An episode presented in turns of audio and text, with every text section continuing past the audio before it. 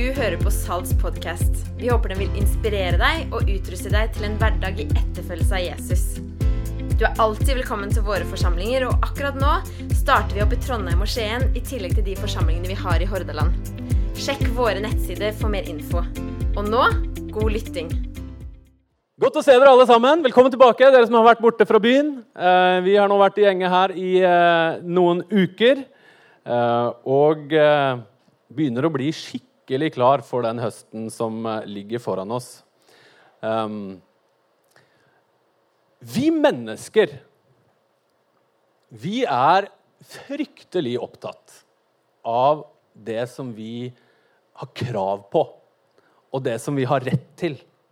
Så når vi har ferie, så, så, så, så forventer vi at alt bare skal være lykke.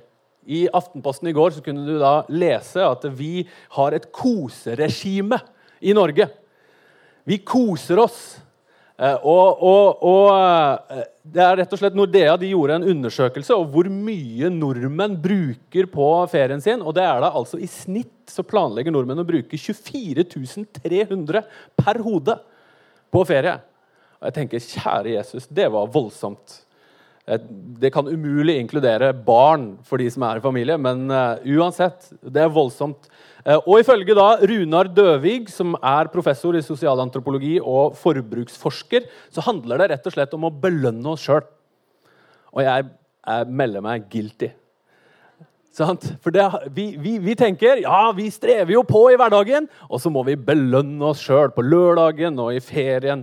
Problemet er jo bare at da skal det så lite til før du blir skuffa. Sånn at eh, dette her er jo veldig ofte køen når eh, vi er ferdig med ferien. Sant? Køen til eh, klagekøen er ganske lang i forhold til takknemlighetskøen på det bildet vi ser bak oss her. Eh, det er ingen som klager så mye som oss nordmenn når vi har vært på ferie. Vi er på toppen der også, i tillegg til at vi bruker mest penger. Vi har rett til så mye, og vi har krav på så mye. Eh, og vi lever jo i et rettighetsorientert samfunn. sant? Kundeservice. Altså, om suppa er litt kald, eller hotellsenga er litt eh, hard, eller om kelneren er litt sur, så klager vi. sant? Om ikke vi klager, liksom, og tør å klage til restauranten, så klager vi i hvert fall til hverandre. da. Eller pensjonspoeng og ansiennitetstillegg. Hvis eh, ikke arbeidsgiveren setter pris på oss, ja, da streiker vi. Visste du det at for første gang i historien så kan vi få streik blant prester nå i august. Sant? Prestene kan streike. Hva skjer? liksom? Det, folk er redd for bryllupene og begravelsene. og jeg tenker Dette er en mulighet for oss frikirkepastorer til å skinne. Sant? Nå kan vi skinne. Vi er ikke så dyre i drift. Vi er billige. Retten til å hvile middag den ønsker jeg å slå et slag for. Det burde vært en menneskerett nedfelt i eh, FN sin en eller annen sånn konvensjon. Altså. For det har vært en stressende dag på pastorjobben. Sant? Og så kommer du hjem, og så må du ikke bare lage middag, men du må liksom rydde opp etter middagen, og du må kjøre disse ungene, og du må vaske gulvet, og du må liksom gjøre alt mulig rart. Og de skal hjelpes med lekser, og de skal legges, og, og du skal være blid og snill og fin og tålmodig hele tiden. Og jeg tenker Det eneste løsningen det er rett og slett å si at du må på do og være der veldig lenge. Retten til å, til å få en unnskyldning når noen har fornærma deg, den sitter ganske i. Gjør den ikke det? Retten til at ungene gir litt vennlighet tilbake. De får jo alt de har lyst på. Retten til litt kred fra sjefen eller litt kred fra pastoren. Ser han ikke alt det vi gjør her i denne kirken? her? Vi har liksom krav på, og vi har rett til så utrolig mye. Og vi fødes jo til å være opptatt av alt vi har rett til. De andre fikk litt mer i melkeglasset sånn O'boy, enn det jeg fikk. Ja, da, Det fortjener de ikke. Jeg fortjener det mer. Jeg fortjener å være lykkelig liksom, nå som jeg har kjøpt de tingene og det som de sa på reklamen at jeg skulle bli lykkelig over å kjøpe. Vi har rett til utrolig mye. Det å være opptatt av hva vi fortjener, det er på mange måter er en slags sånn grunnholdning i livet som ligger der, og som, som, dessverre også ligger der som en default i vårt åndsliv, i vårt indre liv, i livet vårt med Gud. Jeg fortjener Jeg har jo vært så flink å be i det siste, så nå, Nå fortjener jeg at det går litt bra her. Jeg får litt bra resultater på eksamen. Jeg har, jeg har jo vært så flink å gi kollekten. Nå, nå kan jeg sløse litt på meg sjøl. Jeg har jo Se, Gud, så flink jeg er. Jeg har gått i kirken hver eneste søndag. Nå må du vel like meg. Så tar vi det samme stoffet inn i åndslivet vårt. Og så er det akkurat som om måte, det blir en, nesten en sånn byttehandel med Gud. Da. På samme måte som vi liksom, det er transaksjoner overalt ellers i livet. Sant? Så, så, så, så, er det nesten som om det blir en byttehandel med Gud. Og så har vi sånne regnestykker med oss. Hvor mye vi har krav på ut ifra hvor mye vi har gitt, eller hvor mye vi har ofra, eller hvor mye vi har bedt. Og så er det nesten som en sånn gift i åndslivet vårt. Gud han opererer i et helt annet paradigme. Det er ikke sånn det fungerer hos Gud. Guds paradigme kalles nåde. Og det er nåde vi skal snakke om i dag. Nåde er en fundamentalt annerledes grunnholdning til livet og hva livet har å by på, enn fortjeneste og rettigheter og, og krav. Det er ikke komplisert, men allikevel er det så vanskelig. Og så er det så viktig. Det er så grunnleggende, det er så fundamentalt. Og jeg har lyst til å oppmuntre deg og, og inspirere deg til å gjøre nå, på, på, vei inn i denne høsten her, så har jeg lyst til å oppmuntre deg til å gjøre en liten sånn rekalibrering. Og bare bestemme deg for at det, du skal legge noen ting nå på plass på begynnelsen av dette semesteret her som eh, inn mot den høsten som ligger foran. Og Vi skal lese i dag fra Paulus sitt brev til efeserne. Og Det er min bønn at eh, enten du har hørt dette budskapet her 100 ganger før, eller det er første gangen du hører det, at det skal være noe du går herfra og er oppløfta over. At du kjenner deg inspirert. At du kjenner at yes, det var en god ting å få høre nå på en søndag formiddag. Hør. Paulus sitt brev til Efeserne, kapittel 2, og vers 8. For av nåde er dere frelst ved tro. Det er ikke deres eget verk, men Guds gave. Det hviler ikke på gjerninger for at ingen skal skryte av seg selv. For vi er Hans verk, skapt i Kristus Jesus til gode gjerninger, som Gud på forhånd har lagt ferdige for at vi skulle vandre i dem. Herre, takker deg for at vi kan samles og høre ditt ord, Herre. Bare åpner vi opp hjertet vårt, tankene våre, for det som du har å si til oss. Hellige Ånd, du som kjenner hver eneste en av oss, Herre. Kom med ditt liv, Herre, og ditt lys, Herre, inn i vårt liv. Amen. Det er jo en, er jo en straff, var det en som, eh, som, sa på Bybanen her om dagen. Når vi satt og snakket om eh, hvor varmt og tørt og solfylt det hadde vært i sommer. Det er jo en straff fordi at uh, åkrene, liksom, bønder over hele Europa, er jo livredde for som, uh, hvordan det kommer til å bli nå framover. Noen har jo vært redd for at de må slakte hele buskapen sin, sant? for det er ikke nok mat og nok fôr til de til vinteren Det er knapt nok nok fôr til å liksom plante på nytt. Og, og, og, og, eh, vedkommende sa det er jo en straff fordi at vi har håndtert miljøet sånn som vi har håndtert det. Og På mange måter så, så har hun jo rett i det. Jesus han ble konfrontert ved noen anledninger om, om, om tankegangen. Det var noen, på, på, et tidspunkt så var det noen som kom til ham med en syk mann. og så, og så sa de til ham, 'Hvem er det som har synda?' sa de. Er det, er det han eller er det foreldrene hans som har synda? En annen gang så så, så, var det et tårn som hadde rast sammen, og det var 18 uh, eh, mennesker som hadde dødd. Og de, de lurte på hvem, sin, hvem, er det som har synda, som, som, som, gjorde at det kunne skje. Hva galt hadde de gjort? Men Jesus han nekta liksom å gå med på den tankegangen. Han sa nei, det er ikke sånn Gud er. Det er ikke sånn det fungerer. Men på den tiden, og kanskje litt i dag også, uh, så var det en grunnleggende tanke at hvis, det, gikk, hvis det gikk bra så var det fordi man hadde gjort noe bra, og Gud likte en. Mens hvis det gikk dårlig, så var det fordi en hadde synda eller gjort noe dårlig, og Gud var sur.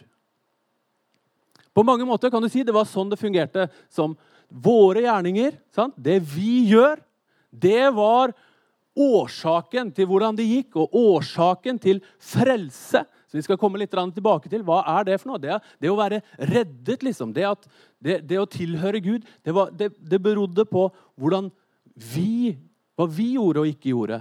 Og så førte det til Guds gunst, eller om Gud likte deg eller ikke likte deg. Det var liksom tankegangen. Og jeg kan forstå det. Jeg tror det er mange som, som tenker sånn i dag også. På mange måter kan du si det er logisk. Altså, Det er årsak-virkning. Ting får, har konsekvenser. Lurer du noen, så blir de liksom sure på deg. Er du utro, så går kona fra deg. Liker du, luker du ikke, så, så blir du ugress. på en måte. Sant? Slår du lillesøsteren din, så må jeg faktisk løfte deg vekk, lille venn. Dealer du med stoff, så kommer purken etter deg. Jukser du, så blir du diskvalifisert. Sånn lever vi livene våre.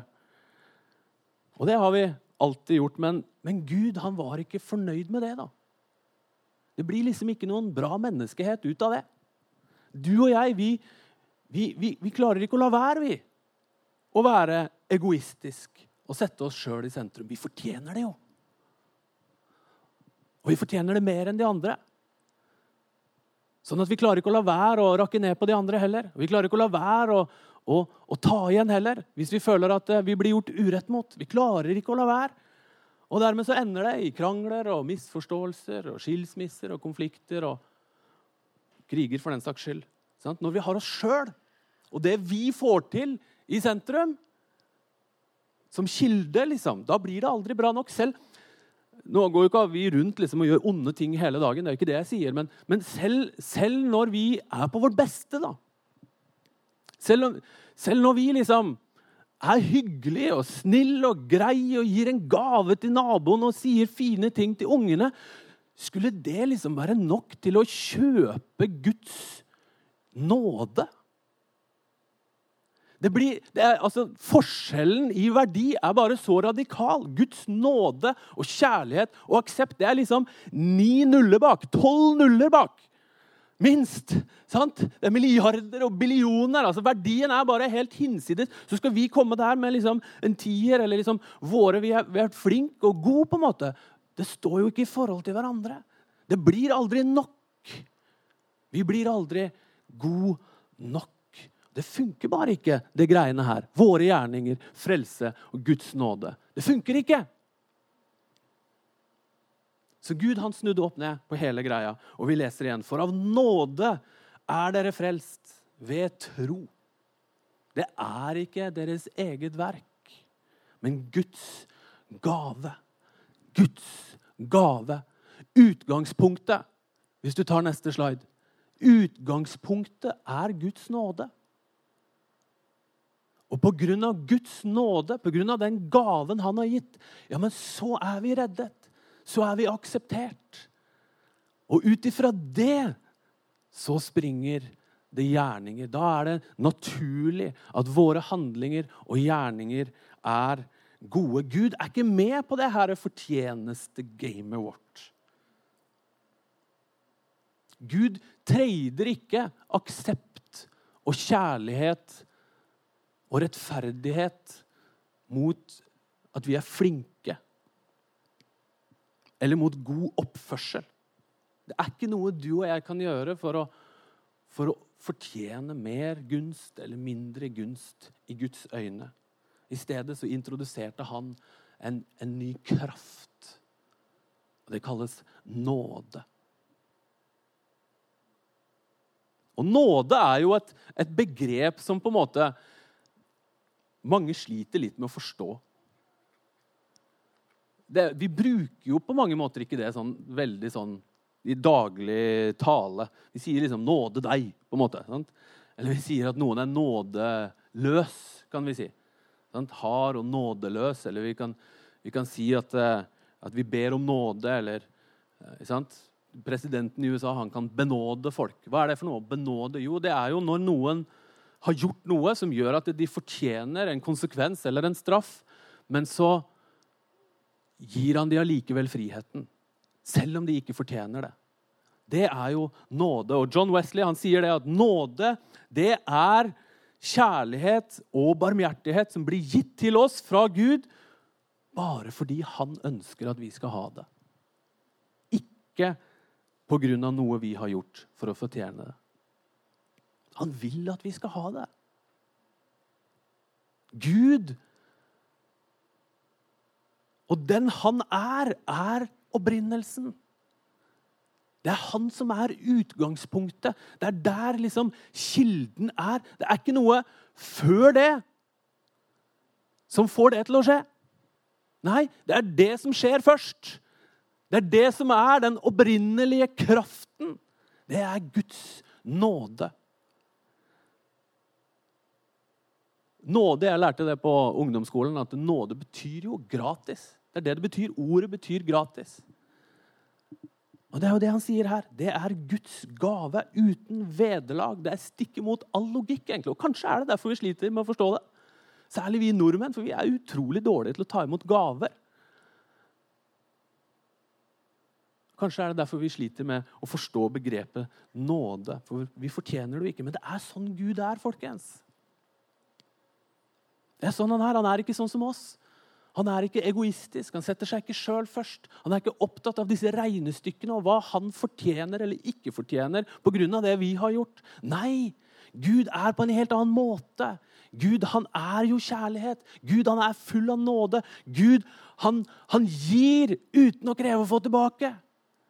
Det er ikke et regnestykke som går opp. Han, han tilgir uten at du har bedt om tilgivelse.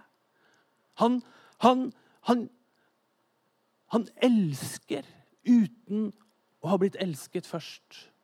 Det er sånn Gud er, dere. Og nøkkelen for deg og meg det er jo at vi åpner oss opp for det. At vi slipper det til i livet vårt. Guds nåde, det er en kraft som er konstant, som er ubegrensa, og som er ustoppelig og som er tilgjengelig for alle mennesker. Alltid. Til alle tider. Det er Guds nåde. Og alle mennesker kan erfare Guds nåde ved å først anerkjenne at ja, det kommer fra Gud, og det er gratis.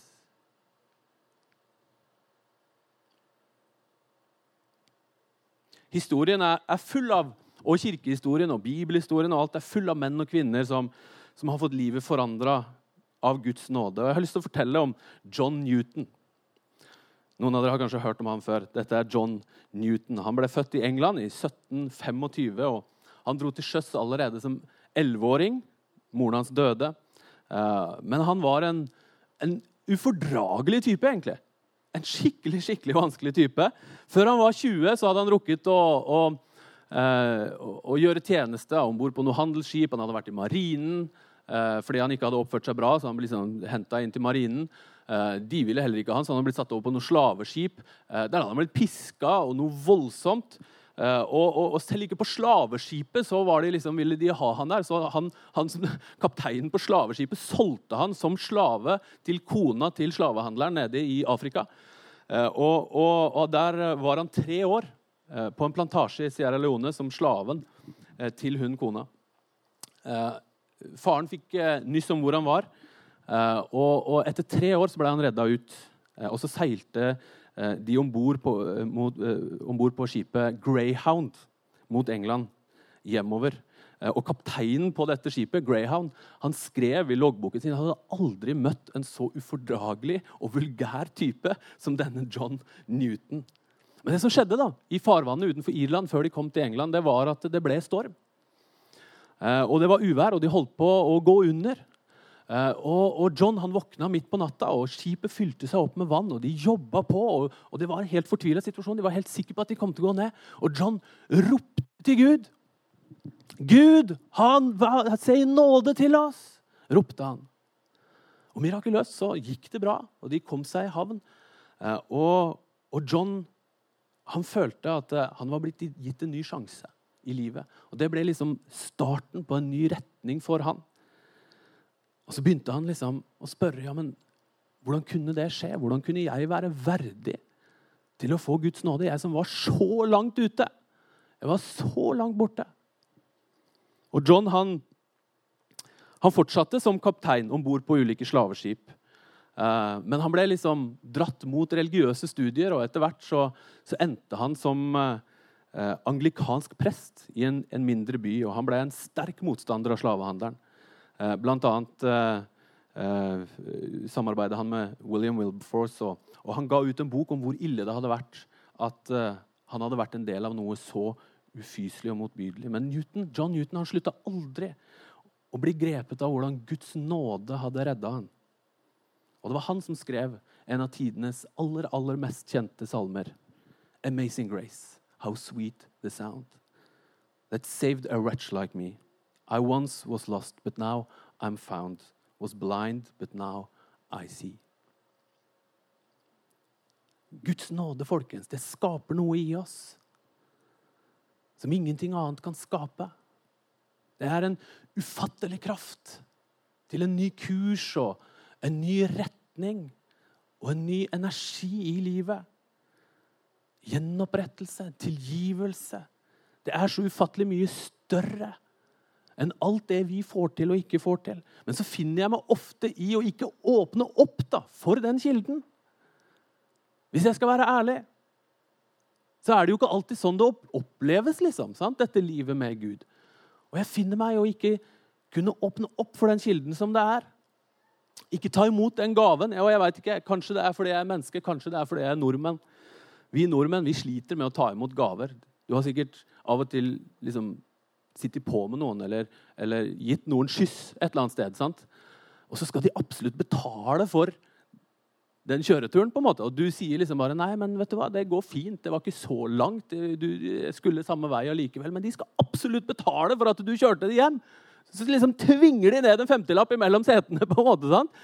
For vi nordmenn vi sliter med å ta imot gave. Kanskje vi mennesker gjør det også.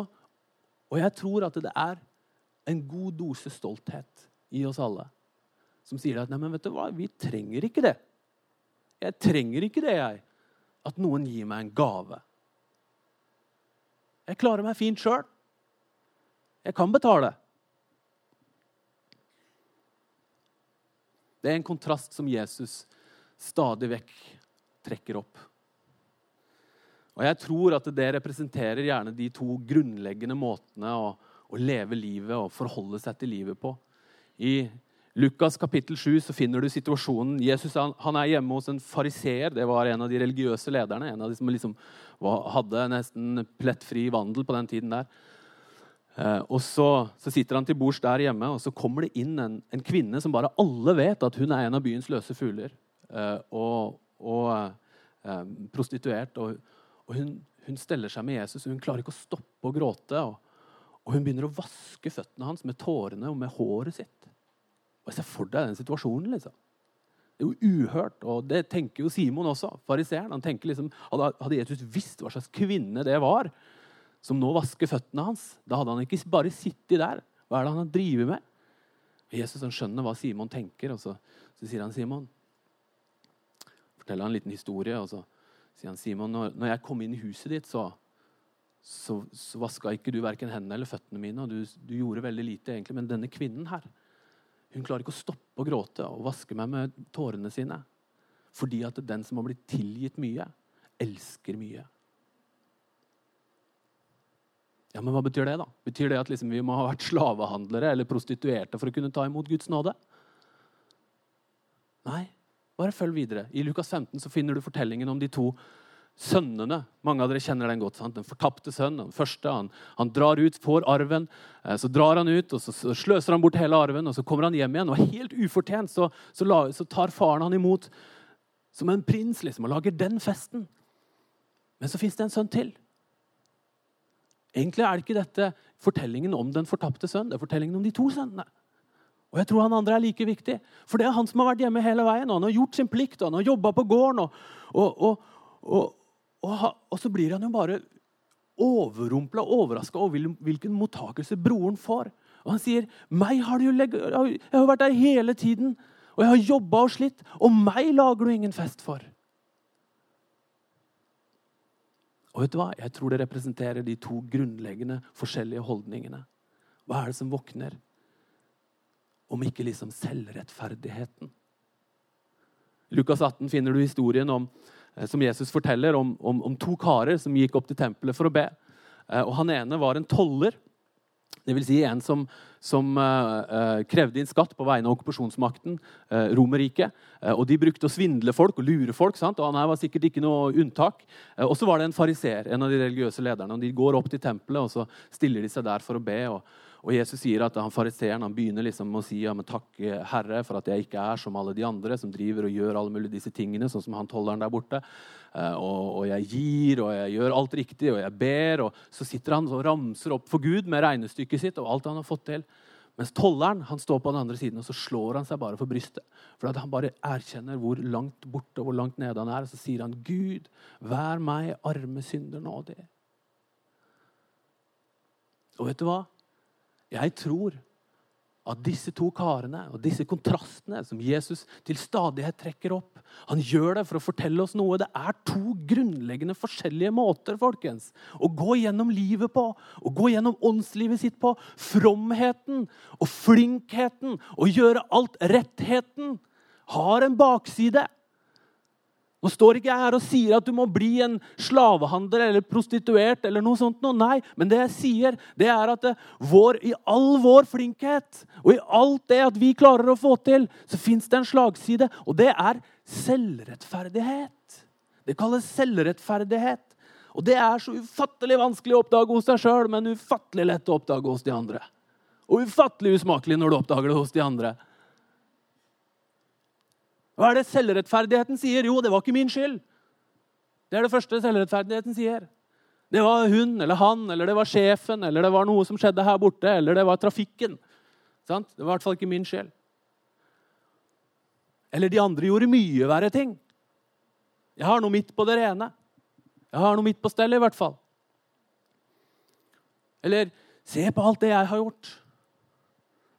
Du har ikke så mye å vise til.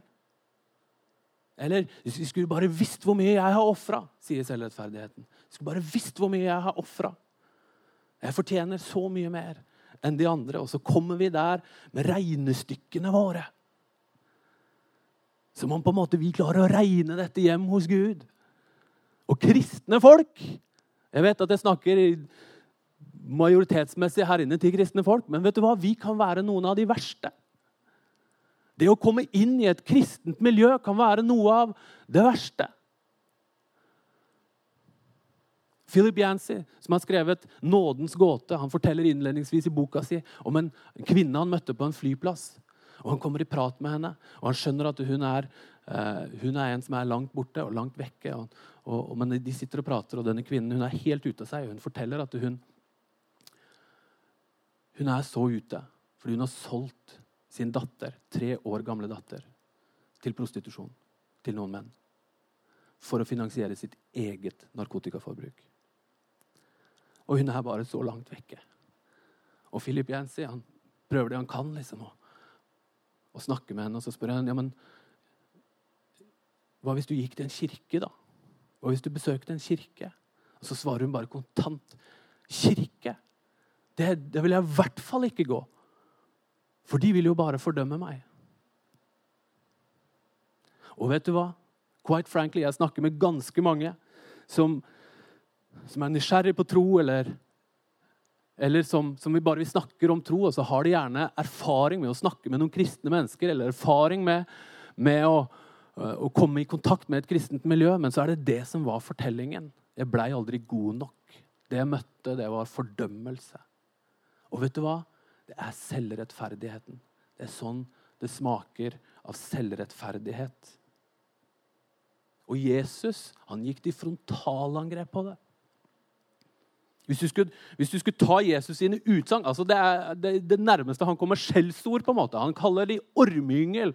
Han kaller de ved dere, kalkede graver. Han bruker ganske sterke uttrykk. Du finner det ikke imot noen andre grupper grupper som han bruker så store kraftuttrykk som mot de selvrettferdige.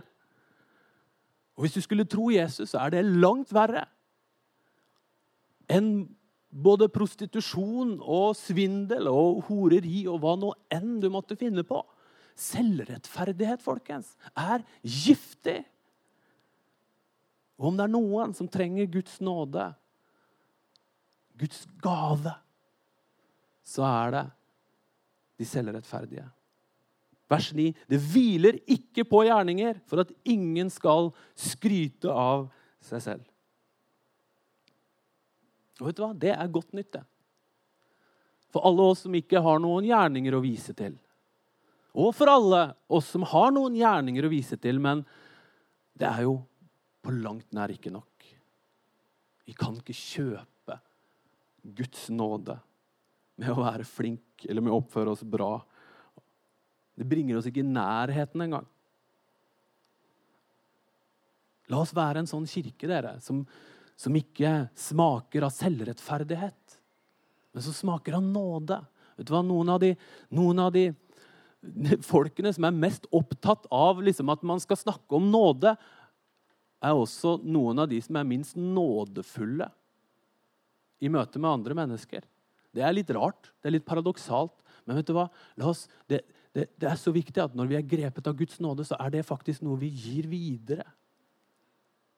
Det er faktisk noe som blir en smak. Det er først når vi legger vekk selvrettferdigheten, at vi blir i stand til å ta imot Guds nåde. Det er ikke det vi har gjort, folkens. Det er det Jesus har gjort. Da han tok på seg alt det vi ikke får til. All vår synd. All vår skam. Alle våre feil og mangler. Så tok han det med seg opp på korset. Alt det som skiller oss fra Gud, det tok han med seg opp på korset. Og så døde det sammen med han der. Og med det så døde muligheten det har til å skille oss fra Gud. Det, da, da, da, forsvant muligheten det har til å sette en retning for livet vårt. Hvis du tror på det. Den gaven blir din ved tro. Og alle mennesker kan erfare Guds nåde ved å legge vekk selvrettferdigheten. Erkjenne at vet du hva? Gud, vær meg arme synder nådig. Jeg trenger deg hver eneste dag. Jeg trenger din godhet. Jeg trenger å ta imot det som er ufortjent. Tilgi meg at jeg kommer trekkende med det som jeg tror jeg får til. Jeg vokste opp i en kirke der det var fryktelig lite snakk om, om Guds nåde. Men det var veldig mye snakk om synd. Eh, og det å, å vinne over synden, det var det veldig mye snakk om. Eh, og det er jo bra, det. Utrolig bra å vinne over synden. Men hvis du tar ut budskapet om Jesus og hva han har gjort, og hvis, hvis Guds nåde ikke blir forkynt som en del av det, ja, da blir det en ufattelig krevende kamp. da. For da blir det jo noe jeg må få til, liksom. Eh, og og, og, det var det. ikke sant? Jeg var i tenårene. og ikke sant? Du er 14-15 år og 16, og hormonene flyr alle veier. og Du, liksom, du, skal, du skal, tenke at du skal vinne liksom, over synden, på en måte. sant? Eh, og, og, i det miljøet så ble kampen mot synden da, det ble liksom altoverskyggende. Det ble den ene store tingen som liksom vi måtte Vi måtte vinne den kampen. Og jeg fiksa det bare ikke. Jeg klarte det ikke. Og jeg blei aldri god nok. Og og, og det, var mye, det er jo mye, mye rart, liksom. Sant? Men, men eh, jeg husker tankegangen. at liksom, når, jeg hadde, når jeg hadde synda, så følte jeg at jeg måtte, måtte, holde meg borte fra Gud en liten periode. Helt til det gikk over, liksom. Og vet du hva? Jeg tror at det er veldig mange som forholder seg til Gud på den måten. Men det er jo et helt riv ruskende galt gudsbilde. Men jeg tror at det er et gudsbilde som mange har. Ja, når jeg oppfører meg bra, ja, da liker Gud meg. Men når jeg oppfører meg dårlig, da blir han sur. Det er faktisk noe av det sant? Jeg har mange trossamtaler. Mange liksom, Jeg husker en som responderte med at ja, jeg, jeg, jeg, drikker egentlig ikke så mye. Når jeg begynte å snakke om Gud. på en måte. Sant? Fordi at det er noe her inne som tenker at ja, men når jeg gjør det, jeg det riktige, da liker Gud meg. Når jeg gjør det gale, da liker han meg ikke. Men så fikk jeg høre evangeliet som jeg har snakka om her i dag, og, og, hva Jesus hadde gjort for meg, og, og, og liksom hvordan, hvordan, han løfta vekk den syndebyrden som jeg gikk rundt, og jeg hadde sett meg blind liksom, på den døra på en måte som, som var synd. Den lå akkurat som et sånt lokk, på en måte. det, var det, det, var der fokuset mitt var. Men så, så skjønte jeg at det, det lokket er løfta vekk. Og jeg kan klyve opp, og jeg kan komme ut i et åpent landskap. Der Den hellige ånd kan lede meg. Og det var, det var, det var et helt ny ting som åpna seg. Det var et nytt liv som ble født. Og det er Den hellige ånds liv, folkens. Og jeg opplevde at jeg, jeg kunne ta steg, og jeg kunne, kunne, kunne bli utfordra og kunne ta steg inn i nye og spennende liksom, ting.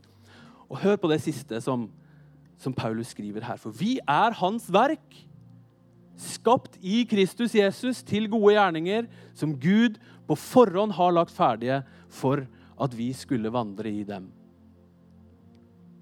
La oss ta det steg for steg. Vi er hans verk, skapt i Kristus Jesus. Du vet, Da Jesus sto opp igjen fra de døde, så skapte han en helt ny virkelighet. En helt ny framtid. Et helt nytt liv.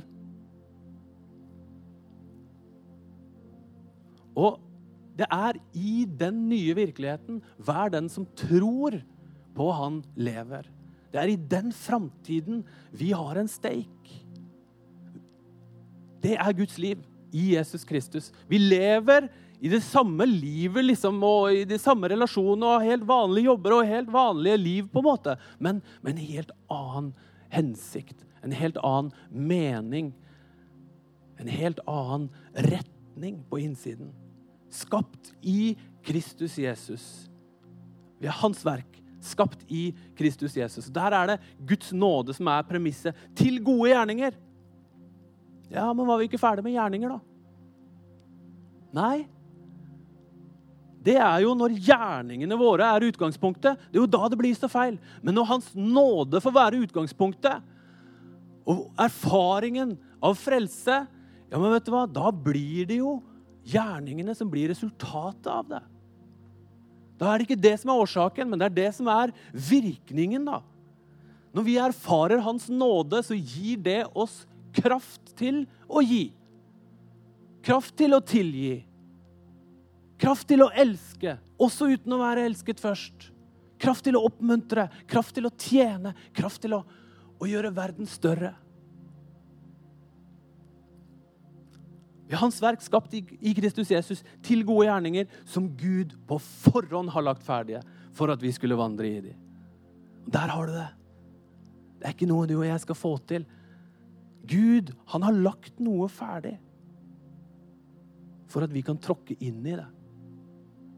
Og jeg har så lyst til å oppmuntre deg til å tro det og tenke det for den høsten som ligger foran. Tenk at, at, at Gud, den allmektige, Gud som har skapt himmel og jord. Gud liksom som kan alt og ser alt og er overalt. Han har tenkt på deg. Og så har han lagt noe ferdig der. Som ikke du skal få til, liksom, men som han har åpna der, som du kan tråkke inn i. Jeg har lyst til å oppmuntre deg til å tenke at ja, men det er sant for denne høsten her. Det er sant for de ukene og månedene som ligger foran. Hvis det var en, det var en presang som lå liksom på stien rett foran deg, og det sto liksom 'til Sigurd fra Gud'. Ja, Da hadde jeg åpna den opp, og så hadde jeg pakka den opp og så hadde jeg tatt imot den gaven. Det er, det, det er sånn det er. Og det er så ufattelig mye mer spennende. Og menn og kvinner opp gjennom historien de har erfart det.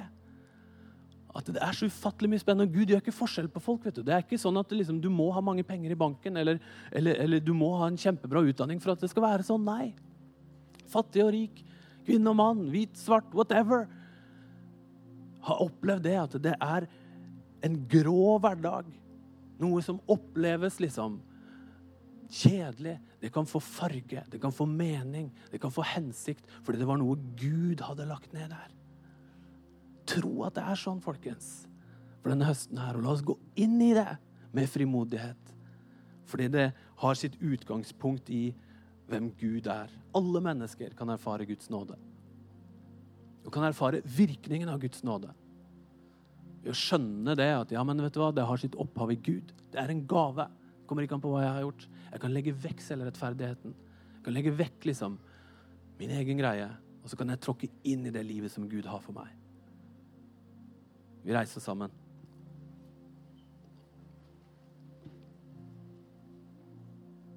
Jeg har så lyst til å be for, for høsten din. Det er jo liksom sånn som Ole Magnus sier, sant? At, eh, at det å komme tilbake etter sommerferien og sånn, det er liksom nesten litt sånn nyttår. Sant? Det starter mange ting på nytt. Og, og noen har kanskje hatt en vanskelig sommer. Noen uh, har kanskje opplevd at ting har skåret seg. Andre går til høsten med en forventning og en spenning, og, og, og liksom det er masse å glede seg over. Uansett så har jeg lyst til å be Be for din høst. Og hvis du har lyst til å ta imot, så, så, kan du bare stå der hvis du vil, eller du kan strekke en arm fram, eller du kan strekke en hånd i været, eller whatever. Men la oss bare være her nå. Inviterer deg, Hellige Ånd. Du som kjenner hver eneste en, Herre. Du som, du som rører deg, Herre, i ransaker tankene våre, Herre, og hjertet vårt, Herre. Du som kjenner oss bedre enn vi kjenner oss sjøl. Jeg takker deg, Herre, for din nåde Det er så stort, Herre. Herre, at vi som bare er vanlige mennesker, Herre, og som, som er full av det ene og det andre, Herre. Det er ting vi får til, og det er ting vi ikke får til, Herre. Vi bærer på synd, vi bærer på fordømmelse, vi bærer på skam. Vi bærer på sorger og gleder, Herre. Vi bærer på sykdom og sunnhet, Herre. Vi bærer på det ene og det andre, Herre. Men du har sett til oss, Herre, i din nåde. Uavhengig av hva vi får til, Herre, så elsker du oss. Vi ønsker å ta det imot, Herre. Uansett, Herre, så aksepterer du oss, Herre, sånn som vi er, Herre, og vi tar det imot. Den gaven som det er. Herre, jeg ber om at det skal være som et fundament, Herre. Noe vi kommer tilbake til, Herre. Noe som ligger der, Herre, som en, en konstant Herre, kilde til kraft og liv, Herre, denne høsten her. Din nåde, Herre. Og så ber jeg for alle mine venner her inne. Herre, du kjenner hver eneste en og den høsten som ligger foran. Takk at du har lagt noen gjerninger, noen ting, Herre, noen mennesker vi skal bety noe for. Noen eh, ting vi skal gjøre, Herre. Noen forhold, Herre, som vi skal gå inn i. Noen dører, Herre, som åpner seg, Herre. Denne høsten her, Herre, så har du lagt noe ned der for hver eneste en, Herre. Hjelp oss å se det. Hjelp oss å oppdage det, Herre, og være frimodige, Herre, og gå inn i det som du har foran oss, Herre. Takk for din nåde, Herre. Takk for din godhet. Takk for ditt liv. I Jesu Kristi navn. Amen.